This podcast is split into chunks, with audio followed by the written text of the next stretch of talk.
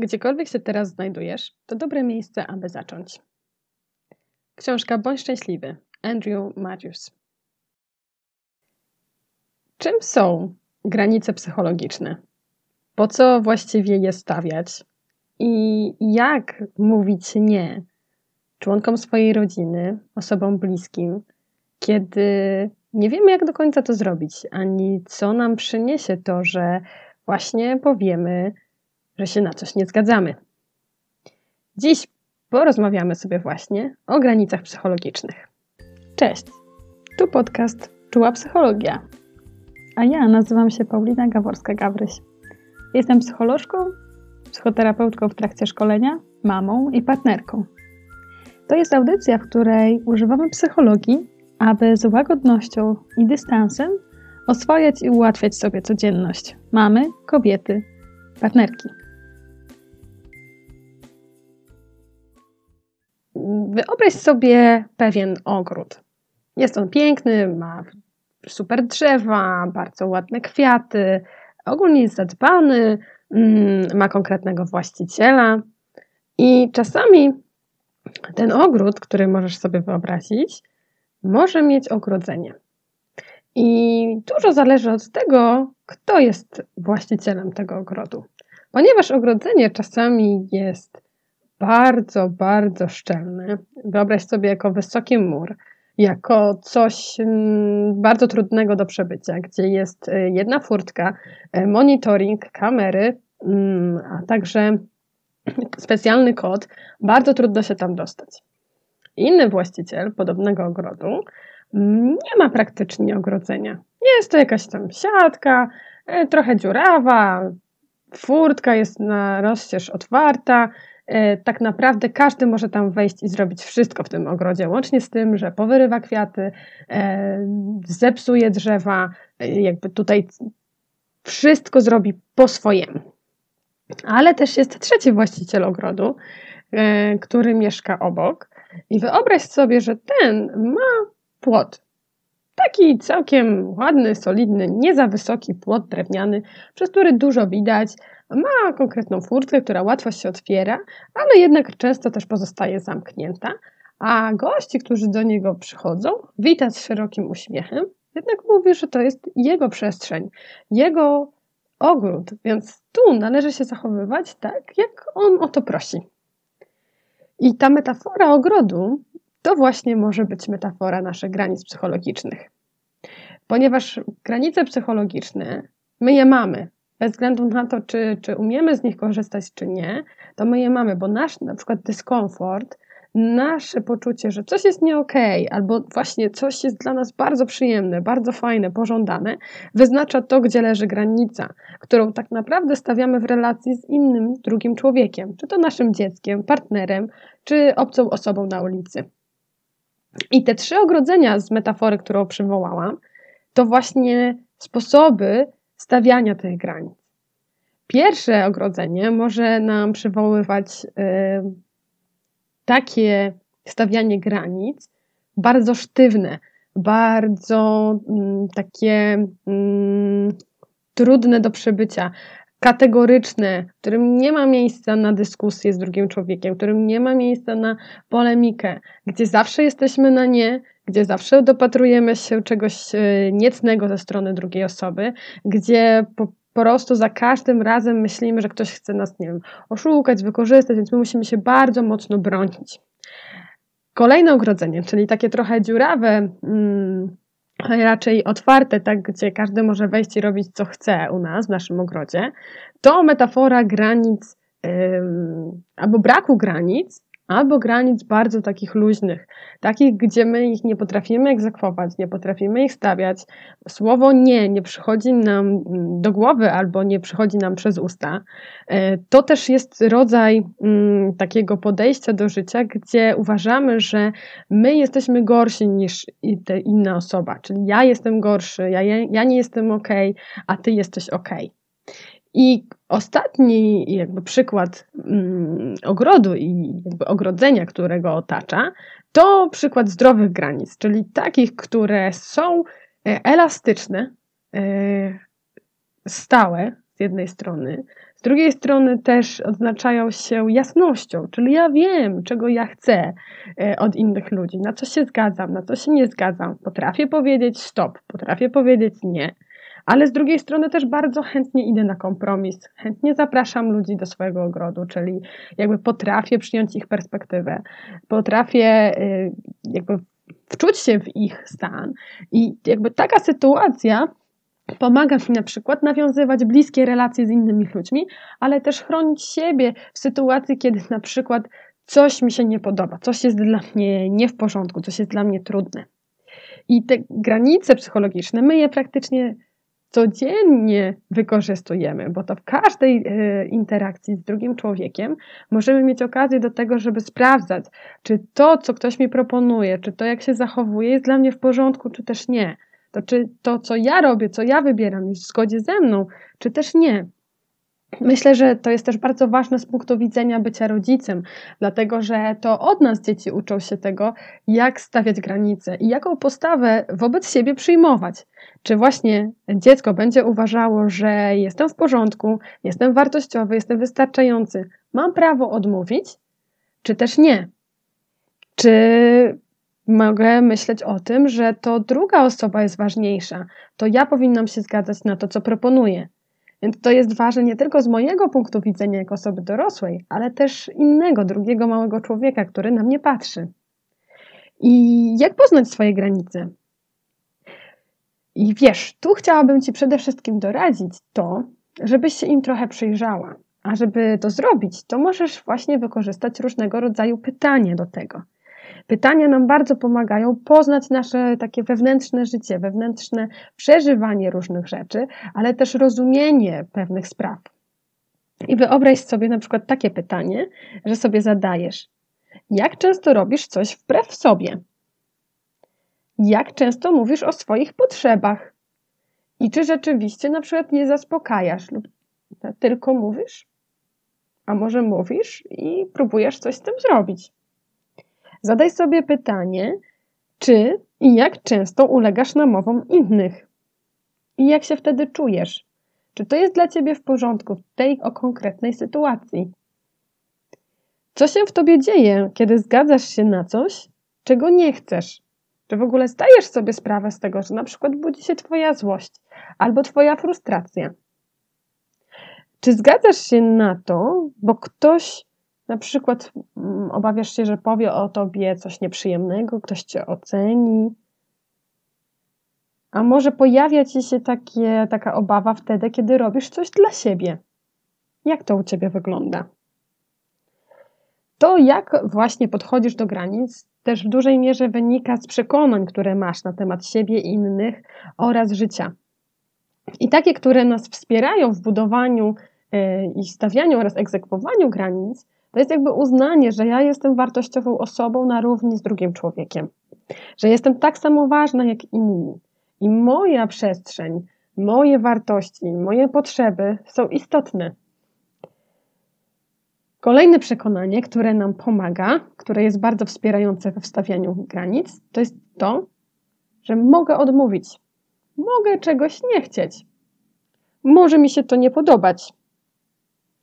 Kolejne, mogę nie chcieć czegoś zrobić, nawet jeżeli ktoś mnie o to prosi.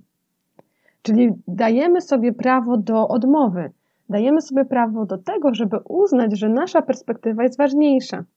I tu myślę, że zrobimy taką gwiazdkę i jakby takie słowo stop, ponieważ e, w tej sytuacji może ci przyjść do głowy, że jeżeli ty myślisz o sobie, to od razu stajesz się samolubna, e, stajesz się egoistyczna, i tak naprawdę masz y, w nosie wszystkich innych, a to nie o to chodzi. Bo stawianie granic nie zakłada tego, że ty kogoś atakujesz, ignorujesz, jakby jesteś lepsza niż ktoś. To jakby powoduje, że jakbyś sobie wyobraziła podium, to ty i drugi człowiek stoicie na tym samym poziomie. Czyli jesteście tak samo ważni i istotni. Nikt nie jest ważniejszy. I to nie chodzi o to, że ty robisz coś wbrew komuś, chcesz go zranić albo udowodnić mu coś. Nie, to ty chcesz zadbać o siebie, o swoje potrzeby, o to, co jest dla ciebie ważne. Czyli ty nie robisz z tego inten z intencją skrzywdzenia albo pokazania komuś y, czegoś negatywnego. Ty robisz to z intencją zadbania o siebie. I myślę, że to jest ważne w życiu mamy, ponieważ jeżeli sobie wyobrazisz różne sytuacje, w których y, złościsz się, w których czujesz lęk, czujesz smutek, masz czasami dosyć swojego życia albo tych złotych rad dawanych przez um, wszystkich ludzi wokół, którzy lepiej znają się na wychowaniu dzieci niż ty, to czasami może ci się pojawić taka myśl, że y, ty nie masz prawa do odmowy, że musisz to wszystko brać, co ktoś ci daje. A to jest bardzo ważne, żeby powiedzieć sobie stop że wcale nie, że ty masz wybór. Możesz wybrać te rzeczy, które dostajesz od innych i je wziąć, ale możesz też powiedzieć nie chcę. Nie mam ochoty na przykład słuchać o usypianiu dzieci. Słyszę, że ty masz taki pomysł, ale on u mnie nie działa, tak? Wiem, że chcesz dobrze, wiem, że się troszczysz, ale to, co mówisz, to mi się nie podoba. Może, może zmienimy temat. Tak? Czyli tu jakby nie musisz iść w to. Nie musisz iść w przekonywanie też kogoś, że jego racja jest rzeczywiście dla ciebie ważna. nie musisz się w to angażować, ponieważ czasami ktoś chce przekonać cię do, twoje, do swojego punktu widzenia różnymi sposobami, czasami manipulacją, e, czasami w sposób takiego szantażu emocjonalnego, a to są takie pułapki, w które ty, jako osoba dorosła, wcale nie musisz wpadać. I jeżeli chodzi o emocje, takie jak lęk, złość czy smutek, to o nich będziemy dużo rozmawiać na bezpłatnym wydarzeniu. Ogarnij swoje emocje, lęk, smutek, złość, e, gdzie właśnie zadbamy o to, żeby przywrócić spokój i radość w macierzyństwie, tak aby trochę lepiej nauczyć się, jak radzić sobie z emocjami, jakie strategie podejmować, żeby zadbać o siebie i co robić, aby to macierzyństwo było dla nas łatwiejsze. I to bezpłatne wydarzenie już będzie w styczniu, 16, 18, 19 styczeń 2023, gdzie spotykamy się na webinarach na żywo o 20. Jeżeli będziesz się chciała zapisać na to wydarzenie, to tutaj w tym podcaście w opisie znajdziesz link do, do tego wydarzenia. Bo emocje są Twoim sprzymierzeńcem w stawianiu granic. Im lepiej je znasz, im lepiej potrafisz z nich korzystać i jakby słuchać ich, tym będziesz lepiej wiedziała, kiedy Twoje granice na przykład są przekraczane. Kiedy zrobić coś, żeby się obronić. Szczególnie złość mówi nam o tym, że ludzie robią rzeczy, których nie chcemy, które nas ranią albo powodują, że czujemy dyskomfort. I o tym na pewno będzie więcej na wydarzeniu. A dziś chcę Ci jeszcze powiedzieć kilka słów o asertywności, ponieważ to jest dopiero podejście, które obrosło wieloma mitami. I wyobraź sobie, że podejście to nie jest aroganckie mówienie nie. To nie jest ciągłe negowanie czyichś pomysłów. Asertywność to jest życzliwe odmawianie. I życzliwe jest tu bardzo ważne. Jest to mówienie nie w taki sposób, który broni ciebie, który jakby daje ci mm, to, czego ty potrzebujesz, czyli że na przykład się nie angażujesz w jakieś działanie, albo je przekierowujesz na inny termin, ale z drugiej strony nie rani drugiej strony. Jest to mówienie nie w sposób jasny, klarowny, ale z życzliwością. Czyli dziękuję za Twoją propozycję, brzmi bardzo ciekawie, ale nie będę mogła się w nią zaangażować, ponieważ mam dużo swojego, e, jakby swoich zaplanowanych rzeczy. Słyszę, że chciałabyś, żebym zajęła się Twoimi dziećmi w sobotę, ale już mam tu inne plany i niestety nie będę mogła Ci pomóc. Jeżeli masz taką potrzebę, zawsze możesz wyjaśnić, o co chodzi. Możesz dodać też takie ala usprawiedliwienie. To dla, czasami, szczególnie w tych bliskich relacjach, jest dla nas ważne, żeby ktoś zrozumiał nasz punkt widzenia. Ale pamiętaj, ty naprawdę nie musisz się zgadzać na to, co ktoś ci proponuje. Możesz powiedzieć, że mam inne zdanie na ten temat. Kiedy ktoś um, opisuje ci jakąś jedyną objawioną prawdę. Kiedy ktoś żartuje z ciebie yy, i mówi, daj spokój, to tylko żart, to tylko takie wygłupy, możesz powiedzieć, co nie jest dla mnie zabawne. Nie lubię, jak w ten sposób ze mnie żartujesz. Nie podoba mi się to. Kolejny cytat. Nie zgadzam się, abyś się tak do mnie odzywał. Nie zgadzam się, abyś mówił do mnie takim tonem. Jeżeli tego nie zmienisz, wychodzę. Wrócę, kiedy będziesz spokojniejszy. Czyli możesz to też jakby przywołać takie zaplecze. Czyli co zrobisz, jeżeli dana osoba nie zmieni swojego zachowania? Jeżeli jakby nic się tutaj nie, nie poprawi, to tym możesz wyciągnąć odpowiednie konsekwencje. Warto też używać takich zwrotów jak chcę, żebyś, nie chcę, nie zgadzam się, to mi się nie podoba. To, co powiedziałeś, było dla mnie bardzo ważne. Czyli tu zaznaczamy granice w taki sposób, kiedy nam się coś nie podoba, kiedy ktoś jakby robi rzecz albo mówi jakieś słowa, które są dla nas bardzo przyjemne. A dlaczego tak trudno nam z tymi granicami? Hmm. Powodów może być kilka. Przede wszystkim boimy się odrzucenia. Boimy się tego, że jeżeli komuś odmówimy, to ktoś nas przestanie lubić, ktoś nas oceni, ktoś nam powie, że jesteśmy niepomocni, samolubni, egoistyczni albo w jakikolwiek inny negatywny sposób pomyśli o nas. Ta mm, obawa czasami jest silniejsza nawet y, na tyle, że my w ogóle nie próbujemy mówić nie, nie próbujemy jakkolwiek tutaj zadbać o siebie.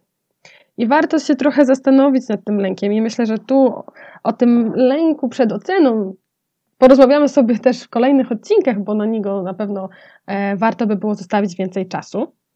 A dziś chcę Ci powiedzieć, że z tym lękiem też da się sobie radzić. Najważniejsze to jest pytanie, czy Ty stawiasz kogoś wyżej niż siebie. I na czym Ci tak naprawdę zależy w tej relacji, czyli czego się boisz. Co się stanie, jeżeli Ty tej konkretnej osobie odmówisz? Kolejna rzecz, która może nas blokować przed tym, żeby stawiać swoje granice, żeby je egzekwować, to reakcja drugiej strony. Czyli boimy się krzyku, e, złości, tego, że ktoś się obrazi na nas. Czyli tu czasami nie wiemy, jak z emocjami drugiej strony. Co z nimi robić? Co się, jak się zachować w takiej sytuacji? I tu o złości, o takich reakcjach, e, które są dla nas trudne, też porozmawiamy sobie w kolejnych odcinkach, ale myślę, że na dzisiaj, jeżeli to jest sytuacja, w której czujesz się zagrożona, zawsze można się wycofać, zawsze możesz powiedzieć, że jeżeli to cię tak denerwuje, tak cię smuci, to może ja wyjdę, wrócę za chwilę, aż ochłoniesz. Nie wdawajmy się w polemikę, nie wdawajmy się w przekomarzanie, mm, nie dawajmy się jakby sprowokować. Tu bardzo przydatna jest technika zdartej płyty, gdzie y, my ciągle powtarzamy ten sam komunikat. Tak, widzę, że się złościsz, ale nie zmienię swojego zdania. Niestety nie będę mogła Ci pomóc tą sobotę. Tak jak powiedziałam, niestety nie będę mogła Ci pomóc tą sobotę. Tak, słyszę, co do mnie mówisz, jednak dalej nie zmienię swojego zdania, nie będę mogła Ci pomóc tą sobotę. Czyli powtarzamy konkretny komunikat aż do znudzenia, aż ktoś jakby go przyjmie i naprawdę usłyszy.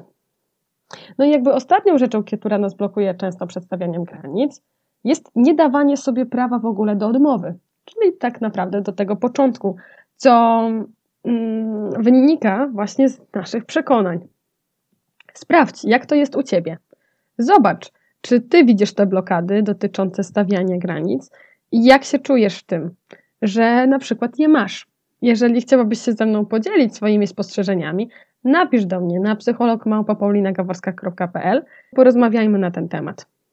Dziękuję Ci uprzejmie, że wysłuchałaś tego podcastu, że byłaś ze mną w trakcie tej audycji. Mam nadzieję, że ta krótka analiza stawiania granic i tego, co nam pomaga, co nam utrudnia, będzie dla Ciebie pomocna. A ja serdecznie Cię chcę zaprosić jeszcze raz na wydarzenie. Ogarnij swoje emocje, lęk, smutek, złość gdzie zajmiemy się emocjami, tak aby lepiej radzić sobie w macierzyństwie, odzyskać spokój i radość, aby budować bliższe relacje z naszymi kochanymi, z naszymi rodzinami. I to wydarzenie już 16, 18 i 19 stycznia 2023. Webinary na żywo o 20, a link do zapisu znajdziesz pod opisem tego podcastu. Dziękuję Ci pięknie za spotkanie i do usłyszenia w kolejnej audycji.